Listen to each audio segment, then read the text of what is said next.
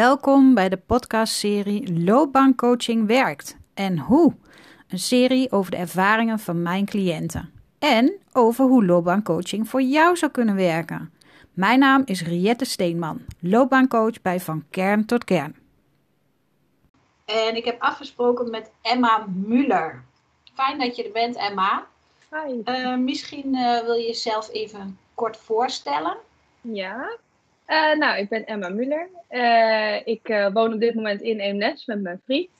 en ik studeer aan de Hogeschool Utrecht. Mm -hmm. ik, doe de, ik doe de studie Communicatie en Multimedia Design. Een lekker creatieve studie. En ja. verder, ja, met corona doe ik niet zo heel veel. Maar dat, dat, dat, dat is niet erg. Dat kan ook wel voor een keertje. Ja. En ja, nou ja, dat ben ik. Ja, dus jij woont in Imnes. Ja. En jouw studie is in? In Utrecht. Utrecht. Oké, okay, ja. En, en dat gaat wel goed met openbaar vervoer? Nou ja, op dit moment hoeven we niet naar school, dus dat, dat, is dan, dat scheelt, want het is wel anderhalf uur reizen. Maar ik, ben, ja, maar ik ben wel op zoek naar een kamer in Utrecht, dus hopelijk komt daar verandering in dat het niet zo lang reizen is. Oké, okay, ja.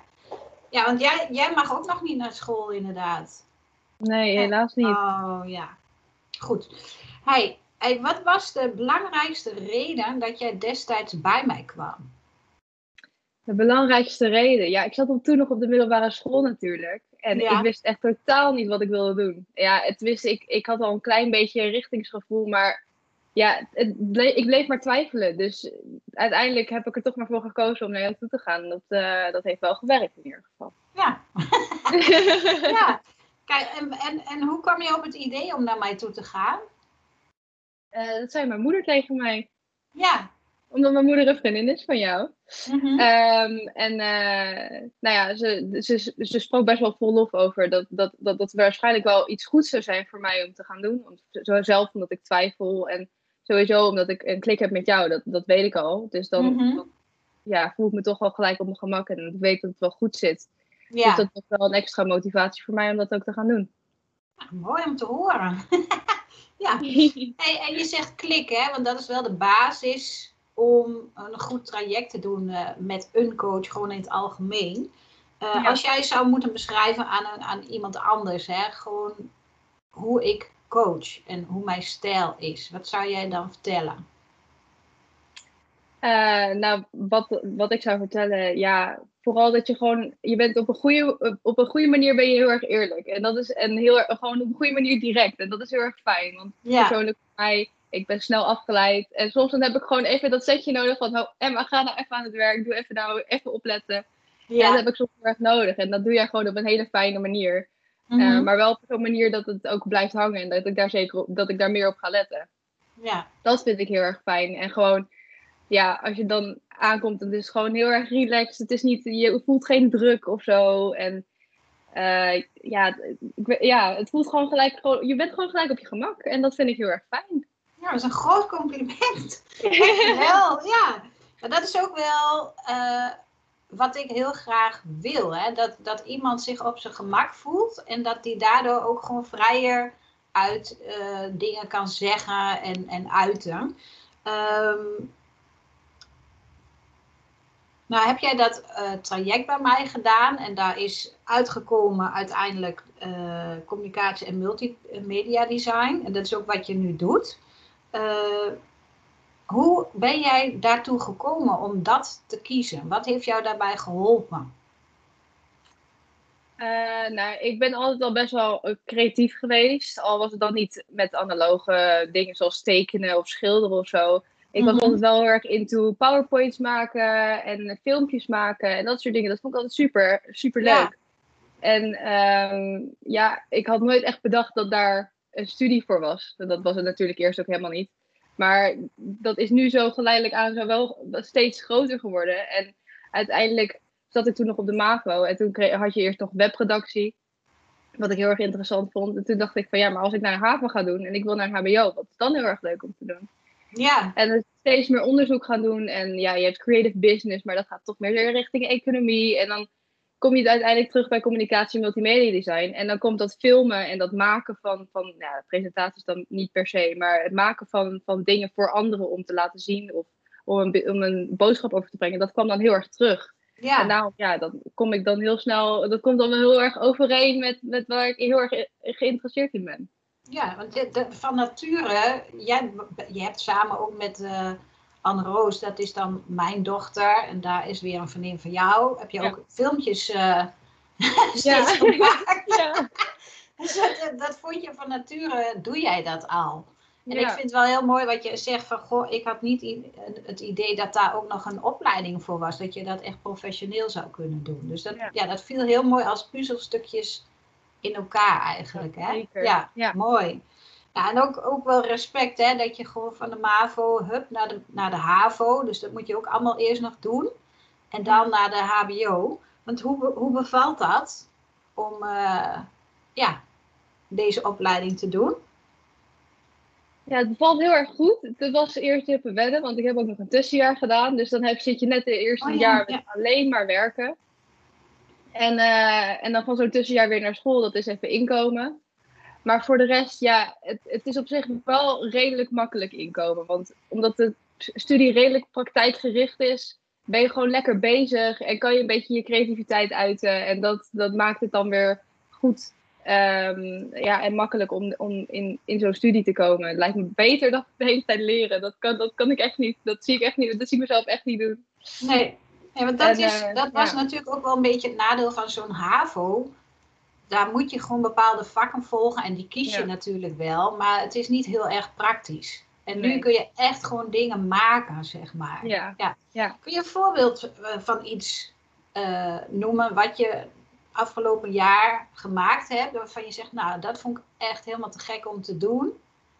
Uh, ja, ik heb uh, afgelopen blok, ik heb net een blok afgerond. En um, in dat blok hadden we uiteindelijk de opdracht om een soort van maatschappelijke issue of een, een, een probleem wat dicht bij jou staat. Of in ieder geval nou, iets wat. Een probleem, dat moest je aan gaan pakken. En moest je een, een uiting, een, een media voor maken, of twee, eigenlijk twee media. Ja. Moest je daarvoor maken. En ik had uiteindelijk gekozen voor het stereotype dat uh, jongens worden opgevoed met het gevoel dat ze niet mogen huilen. Ah.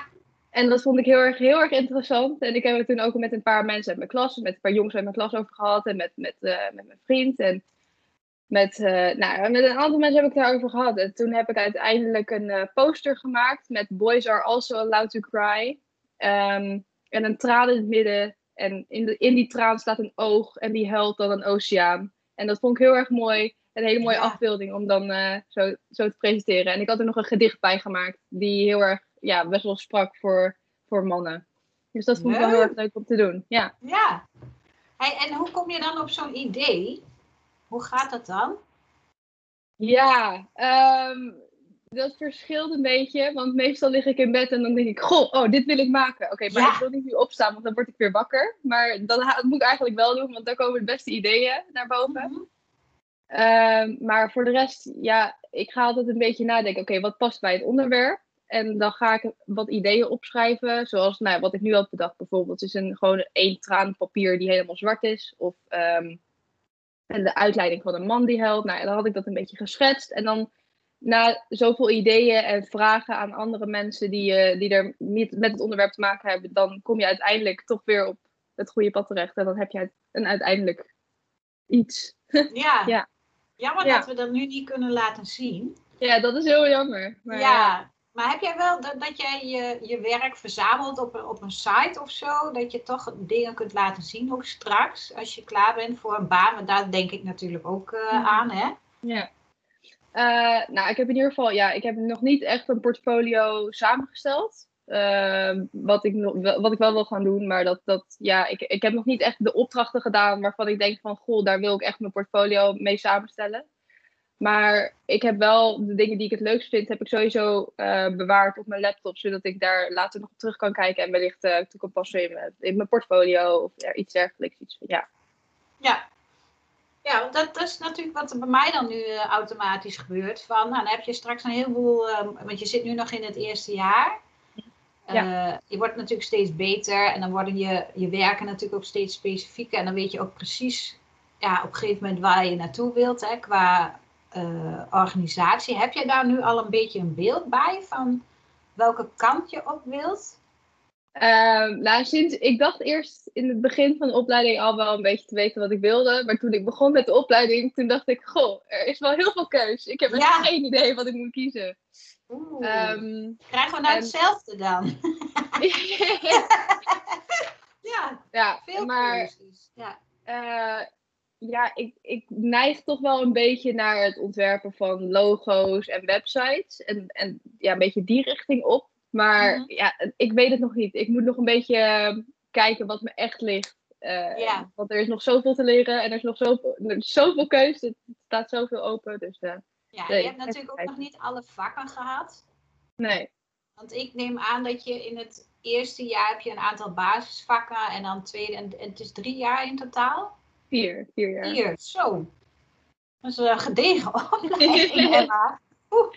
Ja, nee, maar goed. Ja, dus jij legt nu de basis, dus dan is het ook nog wel een beetje vroeg om eh, ja, beslissingen te nemen. En ik bedoel, je hebt nog drie jaar hierna, dus dat eh, is Ja, tijd genoeg. Ja. Hey, en ehm, wat komt er nou echt omhoog eh, op, in de opleiding als je jezelf dan ja, ja, vergelijkt met anderen van hey, dat maakt nou echt Emma. Ehm, ja, goede vraag. Wat mij echt ervan maakt. Nou, ik merk wel dat ik, omdat ik wat ouder ben, eh, ja, ik, ben twintig en heel veel, een aantal van mensen van mijn opleiding zijn, zijn wat jonger. Ik merk toch dan dat ik wat sneller mijn eigen stijl kan, ja, wat sneller mijn eigen stijl heb ontwikkeld, omdat ik mezelf net iets beter ken. En omdat ik weet, nou, omdat ik er natuurlijk ook wel een beetje onderzoek naar heb gedaan. Maar, en ik, en ik durf ook iets meer te proberen. En, en dat maakt dat dan wel echt mij. En ja, dan zie je soms nog wel iets meer afwisseling in wat ik leuk vind. Want ik vind heel veel leuk en ik kan niet zo goed, niet zo goed keuzes maken daarin. Maar toch heb je, ja, ik weet, ja, ik, ik weet niet of dat een beetje logisch klinkt, maar in mijn hoofd is het heel erg logisch. Ja, nee, maar je, je zegt van ik ben wat ouder, dus dan ken ik Ja. mezelf ook wat beter. En dan durf je ook wat meer dingen eh, ja, los te laten en gewoon te experimenteren. En dat is het dus eigenlijk zeg je van het is heel goed om goed onderzoek naar jezelf te doen. Van wie ben ik en wat vind ik belangrijk. En dan gewoon je eigen gang te gaan. En helemaal Ja. als je dingen ontwerpt, want daar vindt natuurlijk iedereen wat van.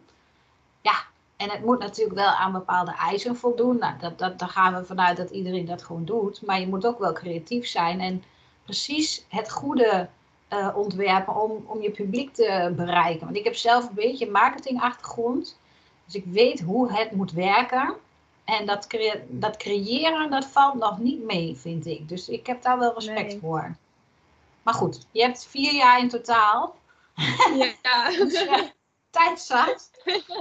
ja. Hey, eh, even als laatste vraag. Als jij nou een, een gouden tip moet meegeven aan iemand die nu nog eh, voor de keuze staat van wat voor opleiding moet ik toch gaan doen? Ik vind zoveel leuk en nou, wat zou je dan zeggen? Nou, wat ik zou zeggen is, wat heb je vroeger altijd leuk gevonden? Want ik merk dat dat toch wel meestal is waar, waar mensen naar op terugvallen.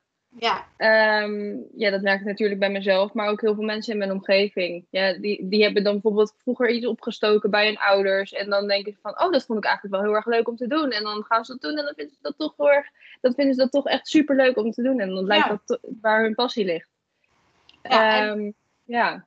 en eh, zeg je van, nou, dat kun je prima in je eentje? Of is het ook slim om met ouders te praten of met ja, een professional? Wat, wat, wat zeg jij? Van, waar is dat van afhankelijk?